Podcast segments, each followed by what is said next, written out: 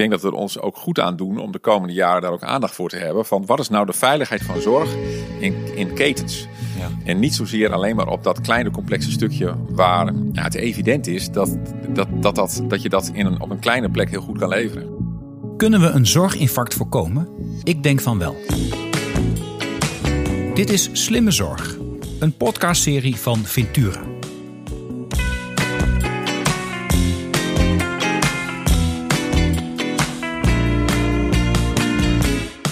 Mijn gast van vandaag is Hans Mulder. Hans heeft een langjarige carrière als ziekenhuisapotheker, directeur farmacie en lid van het managementteam van het Wilhelmina ziekenhuis in Assen. In hetzelfde ziekenhuis is hij sinds januari 2021 lid van de raad van bestuur. Hans is intensief betrokken bij veel initiatieven in Assen en Drenthe rond het organiseren van zorg zo dicht mogelijk bij de patiënt. Welkom bij de Slimme Zorg podcast. Het is echt voor mij als, als, als inwoner van Groningen altijd een genoegen om in Noord-Nederland een podcast op te kunnen nemen. In mijn eigen omgeving. We zijn vandaag in Assen, waar jij eh, bestuurder bent van het, eh, van het, eh, van het ziekenhuis. En, ehm, maar of je nou in Assen zit of in Groningen of in Den Haag, de eerste vraag is altijd dezelfde. Wat is volgens jou slimme zorg? Uh, dankjewel Arno. Uh, ja, slimme zorg. Wat is slimme zorg? Uh, ik denk de komende jaren gaat het denk ik over het beschikbaar houden van de zorg. met plezier je werk voor de medewerker in de keten. Mm -hmm. En ik, daar kom je gelijk op wat is slimme zorg. En die laatste drie woorden in de keten. In de keten. En wat, is dan, wat is dan de keten? Nou, voor mij is het, kijk, als in, in het ziekenhuis, hè, als je naar juiste zorg op de juiste plek, hè, dat wij zullen er echt voor moeten zorgen om die zorg beschikbaar te houden in het ziekenhuis, zullen wij veel zorg op een andere manier moeten gaan invullen. Dus zorg niet een beetje beter maken, maar echt anders maken. Dus zorgen dat, uh, dat wij uh, mensen niet meer in het ziekenhuis krijgen en eigenlijk op een andere plek hun zorg laten krijgen. Of wellicht zelf de regie kunnen laten pakken over hun zorg. Nou, als wij dan heel veel zorg gaan overhevelen naar de eerste lijn, dus naar de huisarts, dan kan die huisarts dat op dit moment ook niet kwijt. Hè, die huisarts heeft het ook druk. Hartstikke druk, ja. Ja, dus als wij, de, als wij op die manier denken dat dat slimme zorg is, dus dat wij die zorg gewoon maar willen overhevelen naar de eerste lijn, dan verstopt het vervolgens ook bij de eerste lijn. Dus als wij uh, de zorg beschikbaar willen houden, dan zullen we dat samen met onze uh, partners in de keten. Dat, is dus, dat zijn huisartsen, maar dat zijn ook verpleeghuizen. Maar dat is ook de GGD. dat zijn ook academische ziekenhuizen. -hmm. de thuiszorg. dus je zult het met elkaar moeten doen om uiteindelijk ervoor te zorgen dat je, dat je eigenlijk die, die stijgende zorgvraag waar we mee te, maken gaan krijgen de komende jaren, -hmm. dat je die met elkaar gaat oplossen. Hè? Dus samen. Ja, maar ik, ik kan me dat ben het daar inhoudelijk helemaal mee eens. En tegelijkertijd heb ik vaak het idee dat degene die aan het, ongeveer aan het eind van het traject zit, namelijk het ziekenhuis, uh, het minste belang heeft bij die samenwerking. Ik, nou, als, het, als het aan de voorkant niet lukt, komt die patiënt vanzelf bij mij. En uh, nou, de poort is open, kom maar op. En ik hoor jou iets heel anders zeggen. Van nee, jij zegt, ja, we moeten het echt samen doen. Ik voel daar verantwoordelijkheid voor. Maar wat is dan jouw belang als ziekenhuisbestuurder? Ja, dat is een interessante vraag. Want uiteindelijk heb ik daar op dit moment geen enkel belang bij. De, de, mm -hmm. Het ziekenhuis, de financiering van ziekenhuis is toch echt op basis van volumes. Dus de, de, ja. eigenlijk, wil ik, eigenlijk zou ik het liefst zoveel mogelijk zorg willen doen. Uh, als je alleen maar naar het smalle ziekenhuis op, op dit moment, op dit moment in dit huidige tijdsvenster kijkt, dan is dat zo. Okay. Uh, maar als je kijkt naar de toekomst toe, uh, hè, dus, een, dus een stijgende zorgvraag, mm -hmm. een arbeidsmarkt die enorm krimpt. Hè, dus dat we al blij mogen zijn als we dezelfde hoeveelheid mensen kunnen krijgen om de zorgvraag van de toekomst in te vullen. Uh, en ook met financiën all over die in ieder geval niet groter gaan worden. Nee. Dus als wij de zorg efficiënter willen maken, dus eigenlijk zoals ik het eigenlijk meer zorg willen leveren met dezelfde hoeveelheid mensen. Uh, tegen ook ongeveer dezelfde kosten. Ja. Dan zullen wij uh, uh, zorg ook naar andere plekken toe moeten brengen. -hmm. want uiteindelijk gaan wij over, wij worden overlopen als, we, als wij nu niks doen.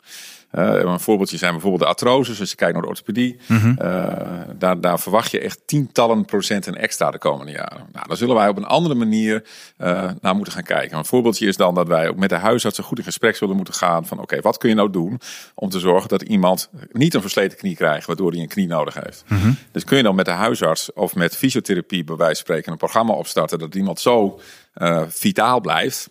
Uh, dat die knie minder gaat slijten, waardoor iemand die knie niet nodig heeft. Mm -hmm. kun je met iemand met hartfalen er eigenlijk al voor zorgen dat voordat iemand ontspoort, en dus eigenlijk met een acute opname in het ziekenhuis terechtkomt, dat hij thuis al gevolgd wordt Um, heeft hij zijn medicatie goed ingesteld? Um, en als hij daadwerkelijk last krijgt, dat, dat hij eigenlijk uh, kortademig wordt, um, uh, dat je op afstand al een advies kan geven om bijvoorbeeld een plastabletje extra te geven. Ja. Uh, daarmee kun je voorkomen dat die patiënt nog het ziekenhuis in komt. en dat zou een huisarts kunnen doen, maar dat zou je ook op een andere plek kunnen doen. Hè. Er zijn ook wel allerlei programma's gaande, ook bij ons ook. Dat je er naartoe wilt dat een, een medisch, zorg, medisch servicecentrum dat gaat doen. Dus dat er eigenlijk een mhm. verpleegkundige die op afstand patiënten volgt. Uh, en die dan eigenlijk op basis van, van een, een, een, een algoritme uh, ervoor kiest van... Hey, uh, moet ik nou die patiënt naar die huisarts sturen? Kan ik die patiënt naar het ziekenhuis sturen? Of kan die patiënt ook in eigen regie iets oplossen? Ja. Want daar zit uiteindelijk de knop waar je wil draaien. Dus dat die patiënt uiteindelijk zelf zijn regie pakt over zijn eigen behandeling. En uiteindelijk en die huisarts niet nodig heeft en ook dat ziekenhuis niet nodig heeft. Doen we dat niet ja, dan, dan loopt het vast. Hè? Dan krijg je dat zorg, zorginfarct waar jij het vaak over hebt. Ja, ja. helaas. Ja, je kan zeggen, nou, mooi dat iedereen het nu over heeft. Maar de bedoeling was eigenlijk om het te voorkomen. Uh, of dat helemaal lukt, weet ik niet. Um, inmiddels meer. Maar ik word wel optimistisch van ziekenhuisbestuurders zoals jij, die zeggen: ja, maar we werken daar ook echt aan. We zien ook echt dat we overlopen gaan worden als ze niet anders organiseren. En noem maar op. En, um, en wat ik daarin. Er zijn een paar dingen die me daarin fascineren. Het eerste is, zoals jij het vertelt, word ik wel warm van, is die manier van organiseren van zorg waarin je probeert veel eerder signalen op te pakken bij een patiënt en dan en, maar op een laagdrempelige manier te interveneren. Een plastabletje zegt heel wat anders dan een cardiologische uh, interventie in het ziekenhuis. Zeker. Uh, om maar eens wat te noemen. En, en, en beter bewegen en met de fysiotherapeut is heel wat anders dan een, dan een, dan een nieuwe knie. Um, en toch, maatschappelijk wordt vaak gedacht van dat de zorg verschraalt als we niet meer naar het ziekenhuis zouden kunnen. Ik weet niet of dat hier in, in, in Assen ook zo speelt. Maar dat is wel iets bijvoorbeeld ik als politicus heel vaak tegenkreeg. Van ja, ja, dat is allemaal alleen maar, gaat alleen maar om bezuiniging. Ja. De patiënt eh, die, eh, die, die, die betaalt de prijs. Die zoekt het zelf maar uit. Ja. Hoe kijk jij daarnaar? Nee, dat is wel een, eh, wel een goede. Dat is natuurlijk dat sentiment dat speelt bij ons natuurlijk ook wel eens. Hè. Mm Dat is hetzelfde als een, als een ziekenhuis die zegt digitaal tenzij. Hè. Dus dat je, de, dat je mensen eigenlijk zoveel mogelijk in de digitaal en in de thuissituatie wilt, uh, wilt behandelen. Ja. Uh, en dat ook wel gezegd wordt, hè, als ik, heb ik dan nog wel plezier in mijn werk. daar moeten we zeker aandacht voor hebben. Hè, want dan gaat het eerst even voor die zorgmedewerker. Hoe gaan we dat nou doen? Dat als mensen thuis behandeld worden, dat die zorgverlener, die heeft toch het idee wellicht, ik wil die patiënt graag zien. Ja, dat is, dat is nog wat anders dan het maatschappelijk sentiment. Zeker, maar, die zorgverlener heb je ook gelijk. Daar kan ik zo wel iets, iets over zeggen. ik, ik, denk, voor die medewerker merken wij zelf eigenlijk, we hebben een aantal plekken zijn we best wel heel ver met, met digitale zorg. Mm -hmm. uh, we hebben onder andere ook een oncoloog, hè, die werkt dan met de OncoConnect van, uh, van Lucie. Hm. en die doet bijna alles in een digitale manier. die zegt ook, weet je, als die patiënten hier in Assen, hier in Assen, oncologie digitaal. is een oncoloog die bijna al zijn zorg digitaal doet. Goh. En die zegt, mijn werk wordt er alleen maar leuker van, zegt hij. Ik heb een veel, ook, ook een goed contact met die patiënt. Mm -hmm. ik merk dat ik die patiënt in zijn eigen thuissituatie Precies. ook kan hebben. dus die patiënt kan zelf ook kiezen wie die bij dat gesprek wil hebben. Mm -hmm. Die ziet in zijn eigen vertrouwen omgeving. En ik merk dat ik daardoor ook een beter contact krijg en dat ik daar ook dingen mee voorkom. Dus dat ik dingen eerder zie, waardoor uiteindelijk dingen niet ontsporen. Mm -hmm. Dus mijn werk wordt er alleen maar beter van. Mm. Uh, en dat wordt eigenlijk door die patiënt ook wel zo ervaren. Gek genoeg zie je ook altijd, je zou ook zeggen dat digitale zorg, als je zou vragen welke patiëntengroepen doen dat nu, ja. zou je zeggen de jonge groep. Uh, ja, maar die zeggen met een digitaal. Ja, en toch zien wij dat het niet zo is. Dus dat ook juist de oudere groep uh, ook digitale zorg best wel omarmt. Ja, want die hebben natuurlijk de meeste impact van reizen en, ja, dat zeker. soort zaken. Dus ik, denk dat, ik denk dat het voor de, je zult voor de medewerker ook heel veel aandacht moeten hebben. Uh, van wat is nou precies digitale zorg? Mm -hmm. uh, en ook, uh, en digitaal tenzij wil niet zeggen dat je patiënt niet meer mag zien. dat, nee. dat als de patiënt wel graag wil komen, jij vindt als dokter dat die patiënt wel moet komen, moet het natuurlijk altijd kunnen. Ja.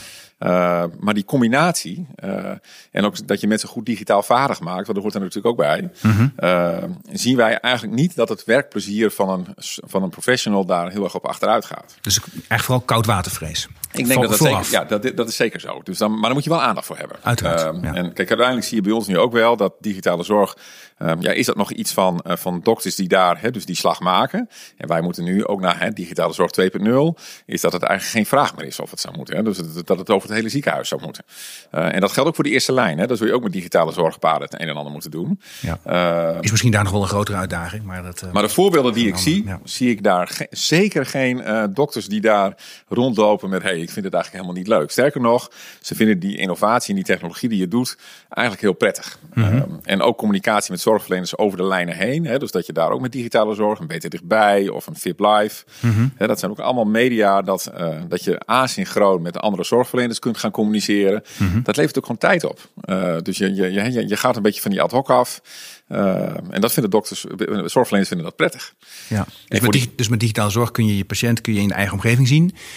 En ook op het moment dat het voor de patiënt van belang is over het algemeen. Dus je kunt beter, beter plannen, want daar word je, wordt er beter van. En zeg maar die andere tools, ja, asynchrone communicatie. Dus je kunt makkelijk informatie uitwisselen en je hoeft niet heel te bellen en daarin verstoord te worden, et Zeker, cetera. ja, zeker. En dat helpt. Ja. Eh, dan moet ik wel zeggen, dat, dat hoor ik ook wel vaak, dat echt een, eh, een, dus een beeldbelgesprek, hè, dus dat je een digitaal, eh, dus dat levert niet per se tijd op. Nee, is ook een gesprek. Eh, is ook een gesprek. Eh, maar als je kijkt naar hè, eh, monitoring dicht bij de patiënt, dus dat je met ze thuis eigenlijk monitort om te kijken, kun je voorkomen dat ze het ziekenhuis in komen, ja, dat bespaart natuurlijk wel degelijk tijd.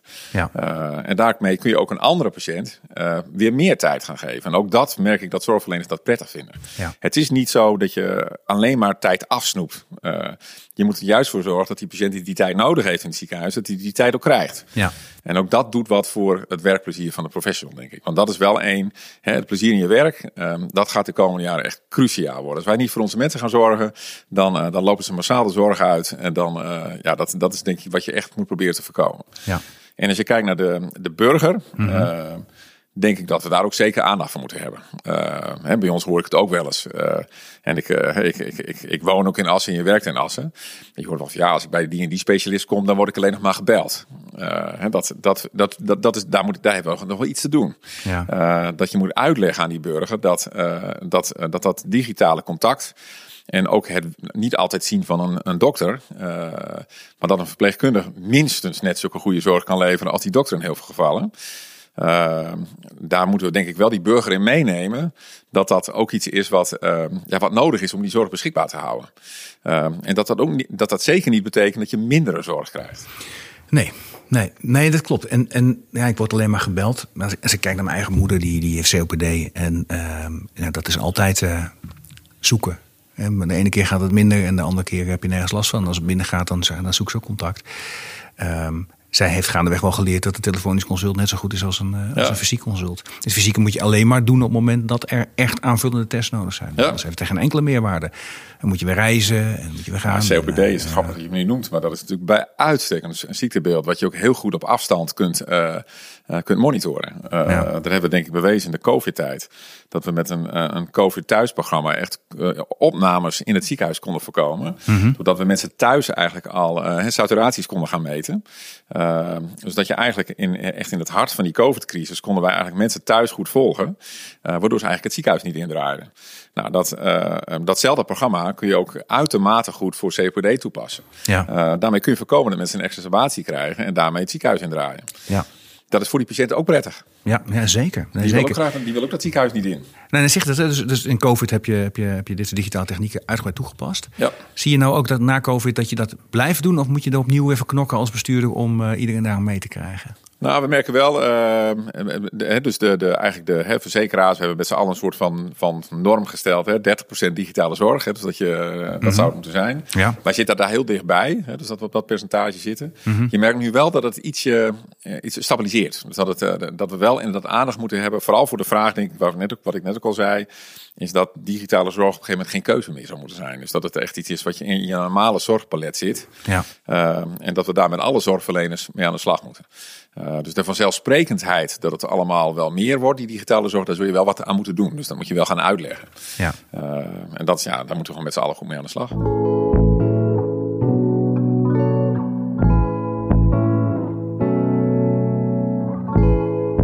Toch wel, toch wel, wel interessant. Hè?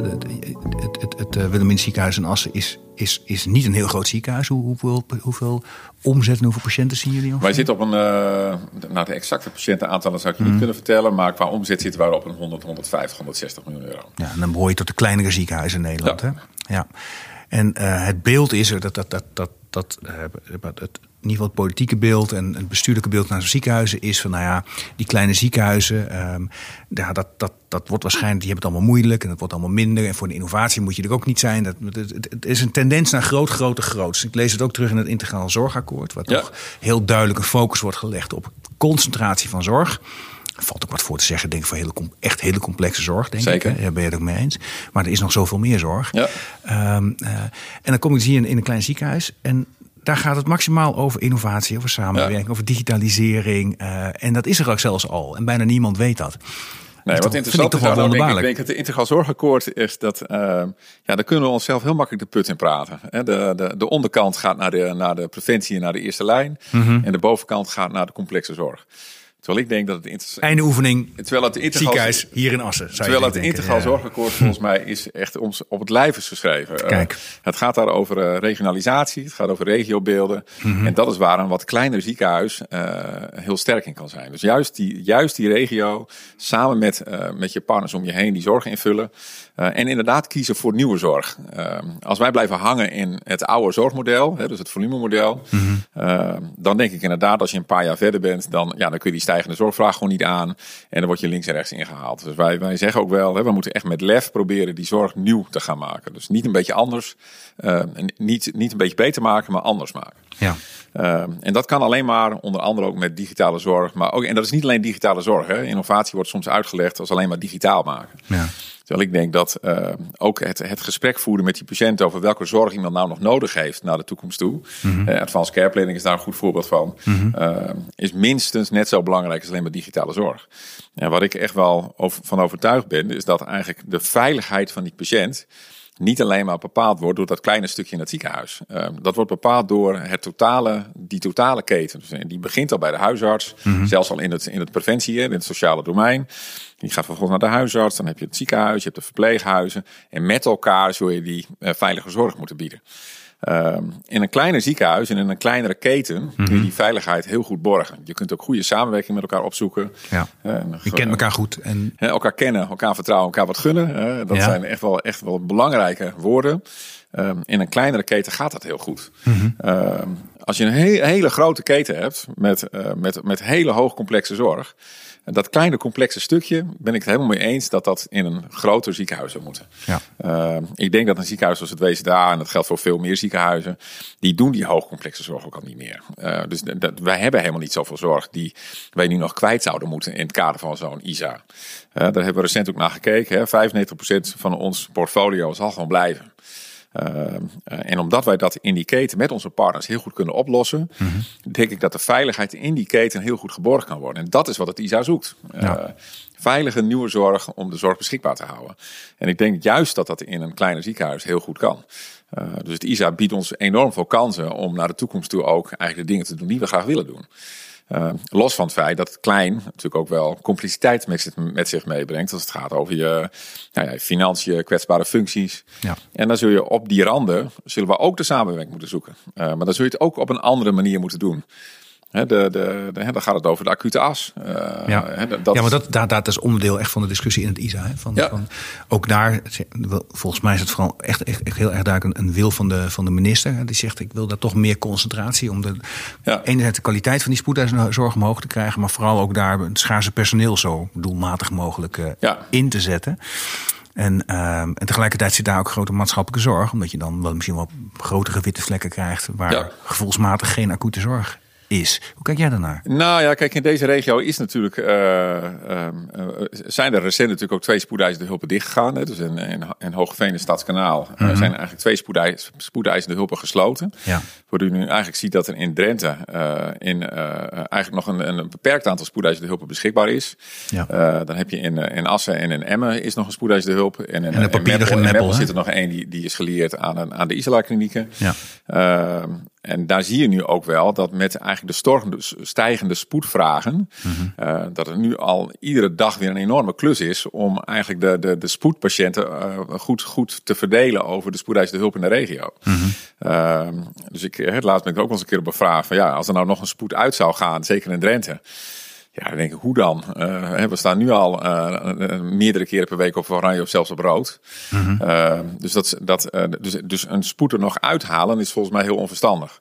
Uh, wat je wel moet doen, is met elkaar natuurlijk proberen om, om zo, die spoed zo goed mogelijk in te richten. Mm -hmm. um, en, en, tientallen procenten van de patiënten zouden eigenlijk helemaal niet op een spoed hoeven te komen. Ja. Uh, dus zou die nog ook op een andere manier kunnen doen. Hè? Dus een oudere patiënt. Uh, moet een oudere patiënt wel naar de spoed? Of moet je die op een andere manier gaan benaderen? En dat hij wellicht eerst nog even bij de huisarts blijft. Of bij ons op een observatiebed komt te liggen. En dat zijn de dingen waarvan je zegt, daar zijn wij juist heel goed in. Dat, dat kunnen wij heel goed. Ja. hè, daar zijn we ook wel over in gesprek. Of met, onze, uh, met onze verpleeghuispartners om ons heen. een traject kunnen opstarten om juist die, die, die oudere patiënt eigenlijk ja, beter te observeren. En beter te analyseren op welke plek die nou de beste zorg kan krijgen. Ja, want dat is qua beeldvorming. Mensen denken bij spoedeisende hulp terecht hè, aan, aan een zwaar ongeluk. En dan, dan, dan gaan de met gillende sirenes gaan de ambulance naartoe. En dan moet ja. een patiënt meegenomen. Soms nog als een helikopter kan er komen. Hè. Daar kun je allemaal iets bij voorstellen. Maar de grootste stroom, of een heel groot deel van de stroom die je krijgt... dat zijn mensen die in, ja, oud, grote stapeling aan klachten. Huisarts heeft heel lang op allerhande manieren geprobeerd daarmee om te gaan. In één keer escaleert het. Niemand weet het nog. Of het weekend komt eraan. En je komt naar het ziekenhuis via de spoedketen. Ja. Bijvoorbeeld, hè? dat is, dat is eh, de, een groep die, die, die een steeds groter aandeel vormt in de, in de spoedketen. En, in, en, en op de RCA ja, ligt die patiënt waarschijnlijk niet op de juiste plek. Nee. Want daar heb je ook mensen die, ja, ja, er is van alles aan de hand met die patiënt. Wat ga je doen? Ja, en daar wordt hij natuurlijk helemaal wel interessant. Is dat uh, die oudere patiënt die. Uh, dus dan hebben we het over de multitrauma-norm. Dat is natuurlijk ook een interessante. Ja, dat gaat erom dat je dat, dat over die, die, die aanrijding. Hè? En dan, uh, moet je, dan mogen mensen die, die echt uh, het heel, heel zwaar te pakken hebben, alleen maar naar een heel beperkt aantal ziekenhuizen. Ja, dat is bij ons het UMCG. Ja. Uh, dat, dus dan ga je een oudere patiënt helemaal naar het UMCG toe brengen. en is hij daar nou op de beste plek op dat moment? Kijk, mm bij een echt een multitrauma met een zwaar ongeluk is daar helemaal geen twijfel over. Nee. maar, maar waar heel complexe operaties moeten plaatsvinden om iemands leven te kunnen redden. Geen enkele twijfel over. Zal iedereen natuurlijk over eens zijn dat ja. die patiënt gewoon uit het UMCG zou moeten in Noord-Nederland. En dat is ook wat we al doen. Ja. Uh, dat, dat, dat, dat wordt al gedaan. Mm -hmm. uh, maar het gaat met name over die patiënt die valt in, die bad, in, in dat bad en die breekt een heup en die heeft wellicht ook nog iets anders. Ja. moet hij dan direct naar een UMCG of zou die wellicht in de keten waar die patiënt ook bekend is en bij die huisarts en bij het ziekenhuis ze ook weten wat die patiënt heeft, uh, uh, is hij daar ook beter af. Ja, want het is wel een spoedgeval op zo'n moment. Zeker. Dus ja. die, moet, die zou dus wel naar de spoedeisende hulp toe moeten. Maar idealiter zou ik met mijn gezond verstand zeggen dat die patiënt in die kleine keten waar die patiënt bekend is, beter af is. ja, daar moet je met elkaar ook een gesprek over voeren. dus dat wordt nog een interessant stuk van de uitwerking van het ISA. Zeker.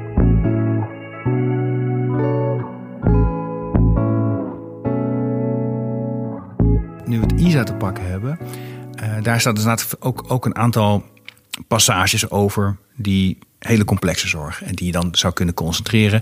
En dan wordt vaak ook gedacht aan, uh, dat is onderdeel van bijvoorbeeld oncologische zorg. Wordt gezien als heel complex. Um, en die is soms ook heel complex. Je hebt bepaalde hele complexe oncologische diagnostiek. En hele complexe oncologische operaties. Ja. Dus dat is allemaal heel complex. Um, maar heel veel oncologie is, en dat, dat vind ik wel interessant, is ook heel eenvoudig. Ja. In die zin dat als je een bepaald moment weet wat het is en, en iemand moet, ja, en, en, die moet, of ja, die misschien bestraalt en dan voor de rest uh, slikt die oncolytica. Ja. Dan moet je patiënt goed in de gaten houden. Dan is het eigenlijk heel eenvoudig. Dus hoe, hoe gaan we daar nou mee om? Want ik kan me voorstellen, een patiënt uit Assen, dat hij heel graag een hele goede diagnostiek wil. En als, als er een hele complexe operatie nodig is, prima. Dan gaan we naar het Martini ziekenhuis, naar het UMCG als het zou moeten. Maar als het minder complex of een andere fase van de behandeling dan ben je blij dat je dicht bij huis kunt worden, Zeker. worden gezien. Ja, en, ook, en ook hier denk ik dat we al heel veel zorg zo al ingericht hebben. Oké. Er is een oncologisch netwerk Noord-Nederland, waar we mhm. ook uh, eigenlijk uh, per, uh, ja, per kankersoort eigenlijk een soort zorgpad proberen in te richten. Uh, waardoor, waardoor het al heel normaal is dat als er echt hoogcomplexe oncologie is, die zien wij helemaal niet in ons ziekenhuis. Mm He, wij hebben helemaal geen. Uh, echt, de complexe kankersoorten gaan al naar het UMCG. Uh, of die gaan naar het Ja, je ziet ze misschien voor het eerste consult. Dat ja, en dan, gaan ze, en dan worden ze al doorgewezen. Mm -hmm. maar ik noem een mammacarcinoom of mm -hmm. een colocarcinoom. dat zijn echt ja, eigenlijk ja, is dat nog complexe zorg. Weet je, dat is ook iets wat je in een basisziekenhuis als het WZA ja, heel goed kan behandelen. Juist ook weer omdat je daar hè, de oncoloog met de huisarts, met de thuiszorg, de, de, een heleboel dingen goed kan regelen. Je noemt net die dure geneesmiddelen. Dat is natuurlijk mm. bij uitstek zo'n zo'n voorbeeld. Dat als je daar in de keten het met elkaar goed regelt, dat je daardoor ook minder spallage van geneesmiddelen krijgt. en dan heb je het al heel snel over echt heel veel geld. Ja, ja die geneesmiddelen zijn wel complex en heel duur.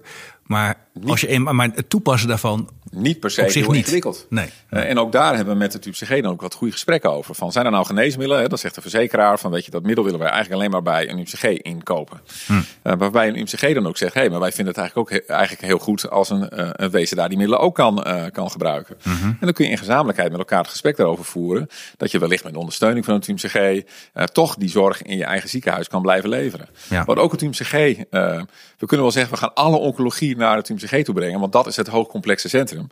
Maar ook het UMCG kan die uitdaging, die kan dat helemaal niet aan naar de toekomst toe. Dus je zult dat ook met elkaar moeten oplossen. Ja. De, de, de gedachte, uh, ook in het ISA, want dat vind ik wel een die, uh, ja, die gaat ons nog wel wat, uh, dat, daar gaan we het nog wel, wel ingewikkeld met elkaar krijgen, denk ik. De, dus die, die volumenormen die voor oncologie worden geopperd. Ja, die zijn fors. Hè. Dat, dat, dat, dat zeggen mensen niet, maar er worden echt er worden minimumeisen gesteld. En aantal... NS50 en NS100 worden daar genoemd. Ja. die in mijn optiek ook wel heel laat naar voren zijn gekomen. Waarbij ook nog helemaal niet bekend is bij welke tumorsoorten dat dan zou gaan gelden. Mm -hmm. uh, ja, en daar zit in potentie best een forse bedreiging in. Want als je kijkt, en dan geldt het niet alleen voor het Wilhelmini ziekenhuis, maar voor vrijwel ieder ziekenhuis in Noord-Nederland, dat, uh, dat er dan heel veel kankersoorten zijn. Als je naar een NS100 zou gaan, mm -hmm. uh, ja, dat, dan allemaal, maar dat dat allemaal naar een UMCG zou moeten. Mm -hmm. ja, dan kun je denk ik ernstig afvragen, vraag ik me ernstig af of de zorg dat daadwerkelijk beter van wordt. Ja. en dat is ook wel een oproep die ik bijvoorbeeld heb gedaan, ook naar de, naar de SAS, hè, de Samenwerking Algemene Ziekenhuizen. Een samenwerksverband van de wat kleinere ziekenhuizen. Zeker, ja. Uh, wat volgens mij belangrijk is, is dat uh, het evidence, en dat is natuurlijk ook iets wat in het integraal zorgakkoord heel erg naar voren komt, evidence-based practice. Ja.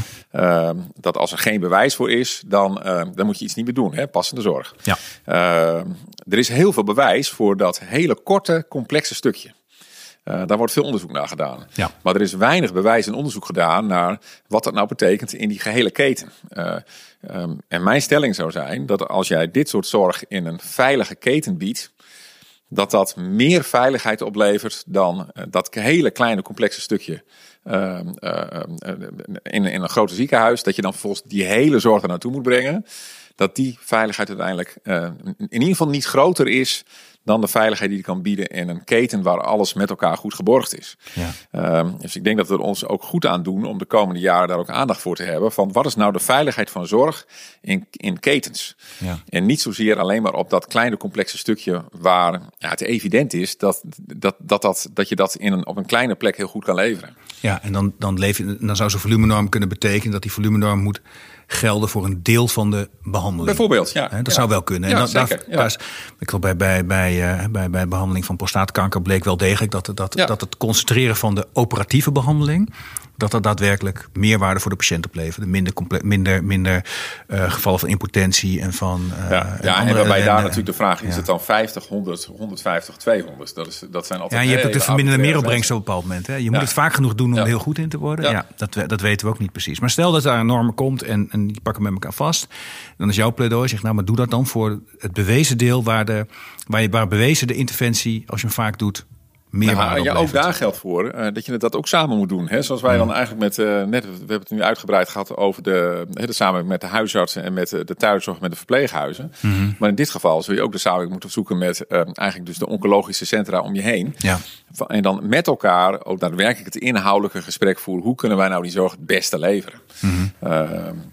en ik denk dat het in Noord-Nederland ook al op een hele goede manier gebeurt. Mm -hmm. dus dat er in die oncologische netwerk al heel goed gesproken wordt van oké, wat wat, wat zijn nou eigenlijk de randvoorwaarden om die goede, slimme, veilige zorg te kunnen bieden. Ja.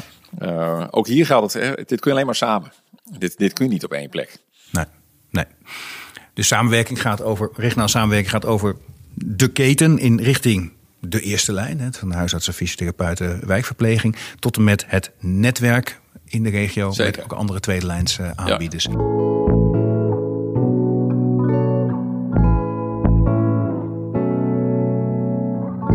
Laten we hebben over die keten en over nou, bijvoorbeeld die uh, oudere patiënt. en hoe je die zo goed mogelijk zorg kunt leveren. En voorkomt dat die eigenlijk in het ziekenhuis terechtkomt als dat geen meerwaarde heeft voor die patiënt. Um, mijn beeld is heel vaak uh, dat, dat, of dat, dat zeg maar, het klassieke zorgsysteem dat we kennen meer gericht is op jongere patiënten. Dus nou, ik, zie, ik kijk bijvoorbeeld nu naar jou. Je bent gevallen voor mij met je fiets. Ja. Allemaal ellende. Nou, en, um, en er is uiteindelijk iemand aan te pas gekomen die bij jou iets heeft gedaan. om Zorgen dat we beter worden. Ik weet eigenlijk niet eens. Is het, is het voorbij de huisarts gegaan? Ik weet het eigenlijk niet. Ik, het ziet er wel spectaculair uit in ieder geval. Nee, ik, uh, ik ben gevallen met een motorbike. En ja. uiteindelijk met een, uh, een ambulance naar een spoedhuis, een, ah, hulp gebracht. Ja. Uh, en vervolgens uh, uh, via de huisarts weer bij mijn eigen orthopeed hier in het ziekenhuis gekomen om daar het vervolg op te, te, doen. Nee, precies. Dus dat is een tweede lijns interventie. Zeker. precies, jij was gezond en aan het fietsen. Nou, sport is gezond. Toen ben je dus gevallen. Ja, Ze gaan niet dingen. Nou ja, oké. Okay. En, en, voor een, en, en de huisarts kan ook niet alles. Dus voor een deel kom je bij een orthopeed terecht en die, moet, die moet zijn ding doen. En daar is een zorgsysteem op, op gebaseerd. Dus dat, dat, je, dat je van iemand die, die, die weinig weet van heel veel naar een specialist gaat die heel veel weet van, van heel weinig en dan precies de interventie kan doen. En als je gezond bent of grotendeels gezond, is dat fantastisch. Maar oudere patiënten hebben vaak een stapeling van klachten, waarvan ook nog eens een heel groot deel chronisch. En chronische klachten laten zich ook moeizaam repareren. Dat is vooral in, in, in, in toom houden. En dan kom je erg een heel ander speelveld terecht. Waarin die klassieke eh, overgang van eerste naar tweede lijn minder logisch wordt. En je misschien meer een speelveld daartussenin krijgt. Waarin je gaat kijken van ja, zeker die patiënt is niet gezond. Heeft meerdere dingen. Maar wat is dan de het verstandigste om te doen. En, en, en, en ik, ik, ik, ik zie op steeds meer plekken in Nederland. Of het is er al, of er worden gedachten over van, nou, misschien moet je een patiënt langer observeren, een tijdje bekijken. En op basis daarvan in, in overleg met anderen, iemand uit de, uit, de, uit de wijkzorg, met een huisarts, misschien wel met een verpleeghuis, kijken, wat doen we dan? Ik zei dat, dat, is ook regionale samenwerking. Speelt dat hier ook? Uh, kijk, uh, we, hebben hier, we hebben hier zeker een, uh, een, een, een, hele goede samenwerking lopen met allerlei partners om ons heen. Samen gassen eh, noemen we dat. Dat we mhm. daar met, met, eigenlijk met VVT, met ambulancezorg, maar ook met de gemeentes, uh, VVT-instellingen, ziekenhuizen, huisartsen, eigenlijk met elkaar proberen om daar ja, in gezamenlijkheid de zorg voor die oudere patiënten op te gaan lossen. Mooi. kijk, een observatiebed is natuurlijk is een optie. Eigenlijk ben je al te laat, hè, op het moment dat je een observatiebed nodig hebt om iemand te gaan observeren. Ja, want dat, dat betekent al, ik weet het niet, ja, toch? Idealiter, idealiter zou je willen, en ik denk dat dokter Drenthe in, uh, is daar goed, goed mee bezig. Dat je, hè, dus de integrale ouderenzorg, mm uh, is dat die ouderen, die wil je eigenlijk, eigenlijk is het volgens mij cruciaal dat je uh, iets moet inregelen dat je herkent wanneer die ouderen echt kwetsbaar wordt. er zijn ook, ja. als ik kijk naar mijn eigen moeder, mm -hmm. die is 75 plus, maar die kan nog prima voor zichzelf zorgen. Uh, uh, maar ergens komt er een moment dat die ouderen kwetsbaar wordt en dat je eigenlijk die wat beter op je bril wil hebben. Mm -hmm. uh, dus een case finding. dus dat je in ieder geval als en, en dat moet denk ik idealiter in de huisartsenpraktijk, dat een huisartsenpraktijk eigenlijk al oppikt van hey, deze ouderen die, die wordt kwetsbaar en die zou ik willen oppakken. Dus om eigenlijk te voorkomen dat daar bijvoorbeeld een val ontstaat. He, val is natuurlijk echt een van de risicofactoren om ziekenhuiszorg te krijgen uiteindelijk. En ook voor comorbiditeit, dus dat mensen uiteindelijk ook sneller overlijden. Ja. Um, en dan zou je eigenlijk, en, en, ik denk dat je daar ook naar nieuwe zorgmodellen toe zou moeten. Van, hè, kun je dat ook met, dat kan ook digitaal. Uh, ja. Dus dat je, uh, en dat kan ook met, uh, met, als er dan toch iemand van thuiszorg komt, van kun je die nog iets extra's laten doen van, hé, hey, hoe werkt het nou precies? En als er dan um, ergens een rode vlag afgaat, um, dat je er dan, dan zorg gaat leveren. daarmee kun je denk ik voorkomen dat iemand überhaupt zijn observatiebed nodig heeft. Ja. Uh, dus ik, ik, ik, ik, dus ik, ik zou hem eerder nog een stap naar voren willen hebben. Nou, dat is wel interessant inderdaad. Dus die observatiebed is eigenlijk ook maar een, een, een, een, een, nou ja, een soort noodzakelijk kwaad. Maar ik denk dat een observatiebed is natuurlijk uh, uiteindelijk komen er nu op dit moment veel patiënten richting een ziekenhuis die uiteindelijk eigenlijk niet op dat ziekenhuisbed horen te liggen. Nee. Uh, en die je wel op dat ziekenhuisbed ligt omdat je op dat moment even niets anders hebt. dus als je dan wel een observatiebed hebt waar die patiënt even kan, kan, kan neerleggen om te kijken, hey, moet deze nou door een oud specialist oudergeneeskunde of door een geriater of of wellicht toch het ziekenhuis in. Of kan hij weer terug naar huis. Ja, uh, met, hoe, hoe, ontwikkelt die patiënt zich? Met, met juiste sociale ondersteuning. Hè? Dus dat is de, want dat zit daar dan ook heel erg aan vast. Ja. Uh, we hebben het nu alleen nog maar over het, uh, eigenlijk het, het, het ziekte, het zorgdomein. Uh, maar die ouderen, uh, uh, nou ja, ik, ik, ik, ik, kan geen percentages noemen, maar een, een ongetwijfeld een enorm fors percentage van de problematiek wordt helemaal niet medisch veroorzaakt. Die zitten in het sociale domein. Uh, dus ergens eenzaamheid, gebrek aan sociale cohesie. Schulden. ja, ook nog. Ja. Digitaal niet vaardig, niet bij de dokter kunnen komen, gewoon eigenlijk net niet weet hoe die moet regelen, hoe die, hoe die met de openbaar vervoer ergens komt, moeten we niet onderschatten. Dat, en dan wordt die zorg een soort, een soort, soort, soort opvangnet voor alle maatschappelijke Zeker. uitdagingen die er rondom dus, dus dat, spelen. Dus dat, dat netwerk rondom die ouderen, die integrale zorg, integrale ouderenzorg, die, die begint niet in het medisch domein. Ja, die begint al in het sociaal domein. Ja, want het gaat, gaat, gaat veel meer over leven dan over zorg. Zeker, ja. Dus de, de, de, positieve gezondheid is natuurlijk zo'n mooie gevleugelde term. Ja. ja, daar kun je alleen maar voor zijn. Uh, dat, dat als je die ouderen eigenlijk uh, al, al eerder ook, ook, ook zelf regie geeft, hè, dat hij echt ook regie neemt over zijn eigen leven, ook in het sociale domein. En dan kun je zorg voorkomen. Um, en, en, en, en dan ga je pas echt aan de knop draaien dat je minder zorg nodig hebt dus dat het, dat het sociaal netwerk, uh, eenzaamheid, schulden, uh, bewegen, uh, vitaliteit. en daar, dat is echt iets van sociaal domein. ja. ja, dat is natuurlijk, vind ik ook als ziekenhuisbestuurder, zit ik natuurlijk helemaal aan het eind van het venster. Ja. en toch zullen wij ook vanuit de zorg moeten, zorgen, moeten, moeten er naartoe moeten dat we het sociale en het medisch domein aan elkaar verbinden. Nou, dat zijn uh, enorm inspirerende, leuke gesprekken, moet ik zeggen. Daar zijn we ook wel druk mee bezig met de GGD, met de huisarts, maar ook met de gemeentes, hoe we dat nou kunnen doen. Ja. Uh, en dat is echt ingewikkeld, uh, want waar ligt nou dat grensvlak? ja, en toch zullen we er echt naartoe moeten dat we ook gaan investeren in dat sociale domein. Dus dat die, dat die ouderen eigenlijk helemaal geen zorg nodig heeft. Nee, en daar hebben we veel te leren hoor. Ik, ik mocht, ik, ik, mocht gisteren een, um, een, een ja, een stuk, stuk voorzitter in een internationaal congres over dit soort vraagstukken. Dat was in, was in Dublin. Dus ik zat daar met een, een internationale groep aan, aan, aan deskundigen. Het waren mensen uit Ierland en uit het Verenigd Koninkrijk. En dat ging over predict en prevent. Hè, dus voorspellen en voorkomen. En uh, dat is specialist op het gebied van uh, uh, bot, botaandoeningen.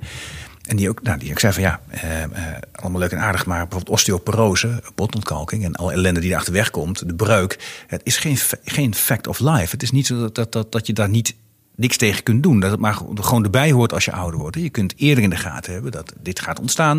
Dan kun je interventies op plegen. Soms met geneesmiddelen, soms met meer bewegen, mensen aan laten sterken. Wat dan ook. En dan voorkom je heel veel ellende. Maar om dat te doen heb je integrale zorg nodig. En niet alleen integrale zorg, maar eigenlijk een integrale maatschappij. Om dat goed te kunnen doen. Er zat een, eh, een IS-specialist, een, eh, een cardioloog, die het heel had over cardiovasculair risicomanagement. En zei ook van ja, weet je, op het moment dat het misgaat, dan staat de zorg klaar. Maar je kunt heel veel dingen kun je, voor, kun je voorspellen, kun je weten. Dus soms is het, is, het, is het erfelijk, soms ook eh, heb je andere aanwijzingen. En dan kun je iemand heel goed uh, in balans houden. Maar ook dan heb je integrale zorg nodig. Dan moeten andere mensen signalen geven van hé, hey, hier speelt wat en dan moeten we aan de slag. En de derde deskundige die aan tafel zat, die had het eh, heel erg over dat signaleren van uh, kwetsbaarheid. En, en dat precies als, dat je, als, je, als, je, als, als, als, als iemand die grens overgaat naar kwetsbaar en je hebt er niet, bent er niet op tijd bij, ja, dan kom je in een heel ellendig zorgtraject terecht. Dus het speelt internationaal. En die worsteling ook om dat integraal goed bij elkaar te krijgen. Ja. Tegelijkertijd hoor ik jou zeggen, hier in Assen zijn we al een heel end. Nou, hier zijn we. we zijn, kijk, ook hier geldt, geldt het. Hè? Elkaar kennen, elkaar gunnen, elkaar vertrouwen, elkaar wat gunnen. Mm We zijn nu echt wel het gesprek heel nadrukkelijk aan het opzoeken. Hè? Dus de, de, we zitten in een, eh, in een groep met, uh, nou, er zit, er zit een GGZ bij, daar zit een GGD bij, maar ook een dokter Drenthe, wij willen een ziekenhuis zitten daar ook heel nadrukkelijk in. Mhm. Eh, om met elkaar te verkennen wat zijn nou, ehm, als je die connectie tussen het zorgdomein en het, en het sociale domein wilt leggen, mm om welke doelen kun je dat nou het beste doen? Hè? Dus dat je daar uh, eigenlijk een, een, doel benoemt en vervolgens moet je, daar, moet je daar regie op gaan pakken. Ja. Uh, nou, dan merk je dat je elkaars taal moet leren spreken. Dus dat, dat, dat is al best wel, dat, dat moet je best wel leren. Ja, ja maar mag je niet onderschatten, hè? want de, de, taal van de zorg is gericht op het medische domein en taal van, van het sociaal domein gaat meer over wonen, leven. Nou ja, en daar, zul je, en daar zul je uiteindelijk naar, en, en, waar je natuurlijk echt daar wel op uit gaat komen. Dat, eh, ik, ik, want ik bedenk hoe, hoe je, ik hoor je nu net praten, denk ja, een voorbeeldje zou zijn, hoe kun je nou, uh, het is waarschijnlijk een hele goede investering om ervoor te zorgen dat ouderen bijvoorbeeld naar een sportschool kunnen om te bewegen. Ja. Uh, als je dat gaat doen, uh, dan ga je waarschijnlijk veel zorg voorkomen. Maatschappelijk rendement is enorm. Is enorm. Ja, dus als je dan één zakje met geld te verdelen zou hebben, dan zou je dat zakje met geld misschien wel daar willen neerleggen. Terwijl nu een veel groter zakje geld in de zorg zit. Ja. Dus uiteindelijk zul je naar de toekomst toe moeten dat ook de zorg uiteindelijk, uh, dat je in een model terechtkomt dat uh, gezondheid gaat, uh, gaat renderen. Uh, dus dat, dat je wij... de zorg mag investeren in iets wat geen zorg is. Precies. Dus dat ik, dat ik als ziekenhuis eigenlijk een verdienmodel zou krijgen om geen zorg te leveren. Ja. Uh, dat is natuurlijk hartstikke spannend. Uh, en voor mij zeker als ziekenhuis. Hè, we noemen net 150, 160 miljoen. Mm -hmm. als ik nog, dus dan, dan zou je in potentie kunnen zeggen: ik ben aan mijn eigen poot aan het zagen. Ja. en toch zul je daar naartoe moeten. En dan heb je het bijvoorbeeld over een kavelmodel. Ja. dus dat je dan met elkaar eigenlijk ja, zorg, zorg hebt voor die burger. Ja. en dat het dus uit moet kunnen om te zorgen met elkaar dat je toch in dat sociale domein ook investeert. Ja, ik heb er ooit een podcast over gemaakt met de, de, de mensen achter het kavelmodel. Dus voor de liefhebbers die kunnen dat uh, terugluisteren. Ja. En dan wordt inderdaad geïnvesteerd hè, in een regio. Er wordt een budget neergelegd. Ook om, die, die, om het op gang te krijgen. En met, vanuit het vertrouwen dat er op termijn zoveel geld wordt bespaard. Dat je dat ook weer kunt herverdelen op de, op de juiste en, plek. En als je daar kijkt naar het bewijs wat daarvoor is, ja, dan is het, ja, het, het, is er. Ja. Uh, alleen uh, de complexiteit die je ook ziet in het sociale domein met zo ongelooflijk veel initiatieven. We hebben het hier in de buurt ook bekeken. Mm -hmm. Het zijn er echt tientallen uh, ja. die allemaal met allemaal passie, ja. passie en inspiratie met iets met het sociale domein bezig zijn. En allemaal, de ene is met roken bezig, de andere is met gezond bewegen, de andere is met, met schulden, de andere is met, met psychische, psychische belastbaarheid bezig. Uh, waardoor uiteindelijk alles een klein beetje verder komt.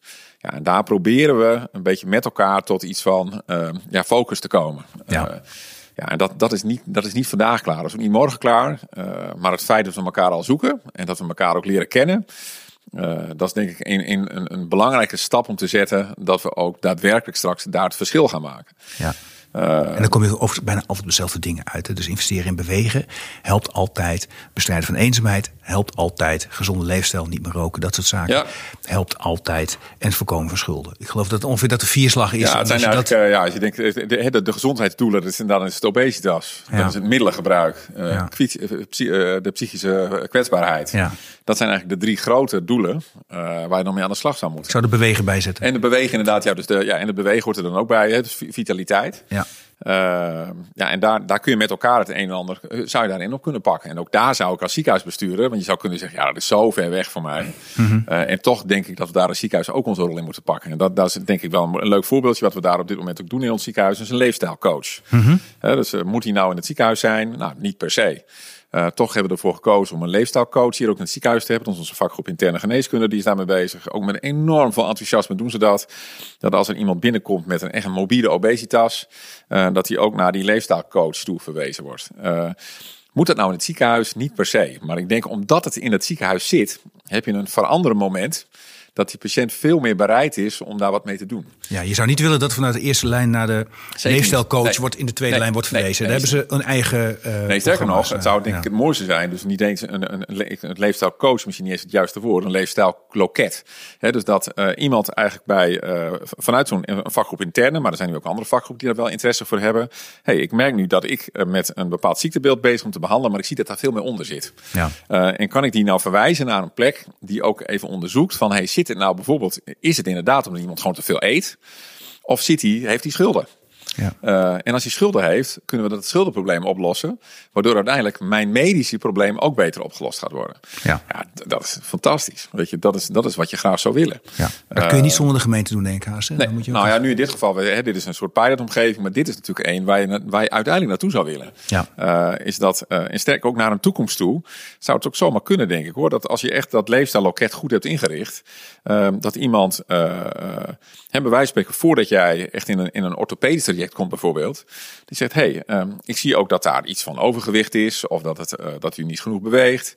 We zaten nog eerst kijken of we in dat sociale domein daar een aantal oplossingen voor kunnen vinden. Ja. Voordat je uiteindelijk het medisch traject in komt. Ja. Nou, daar zitten we nog lang niet. Nee, uh, nee, nee zeker uh, niet. Nee, al was het maar dat je die informatie niet eens uit de systemen kunt krijgen. Dat hebben we niet gekoppeld, hebben we niet nee, voor elkaar. data, maar daar, daar gaat hij ingewikkeld worden. Maar mm -hmm. hè, dit zijn wel, ik, hier zie je nu een aantal van die dingen oploppen. Hè. Dat zijn nu nog heel erg enthousiastelingen die daarmee aan de, aan de gang zijn. Enorm veel inspiratie brengt dat.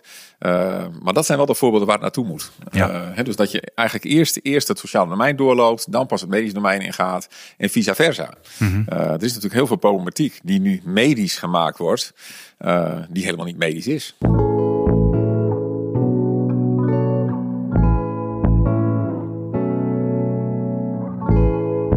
noodzaak om dat zo te doen, die is echt enorm. Hè? Uh, die, die, als we naar 18 jaar vooruit kijken, dan groeit in die tussentijd de zorgvraag, als ze, als ze niet veranderen in de manier van organiseren en, en, en, het voorkomen van zorg, met, dan groeit de zorgvraag met 40 procent. Ja. En het arbeidsaanbod krimpt met 2 procent. Ja. Ik geef het je te doen, die 42 procent overbruggen in 18 jaar. Dat red je niet in het medische domein alleen. Dat Nee. krijg je niet voor elkaar. Hè? Nee. En, dan, en dan, dan, ja, dan kun je zeggen, het lijkt dromen om, vanuit, om, om te zeggen, nou, we gaan het traject in, eerst met het sociaal domein kijken wat daar kan. Ja. En dan verder. Maar het is wel noodzakelijk. Ja, ja, zeker. Ja, en één partij denk ik die we nog helemaal niet, niet benoemd hebben daarin, is die daar natuurlijk echt voor nodig is, dat de verzekeraar. En, eh, ook daar zul je, eh, ook met de verzekeraar, en die hebben we overal wel goed bij betrokken. Hè. Dat doen we dan vooral ook met Zilveren Kruis. Ja. En VGZ, die halen we daar ook bij. Hè, dat zijn de twee grootste verzekeraars bij ons in de regio. Eh, is dat het, ook hier moet het samen. En dit is, want dit is ook voor een verzekeraar natuurlijk vreselijk complex. Hè. Die, die hebben nu Zeker. ook nog een, een, een, een model waarin ze met, ja, eigenlijk in, in, in kavels met, met, met zak, zakken met geld moeten werken. Je uiteindelijk die zak met geld over zo'n hele keten zou willen, eh, willen leggen. Ehm, en dat je ook met elkaar, ja, je moet naar een ander financieringsmodel. Ehm, en daar voeren we ook met, eh, met, eh, met name met Zilveren Kruis ook een gesprek wel over. Van hoe kun je dat nou doen?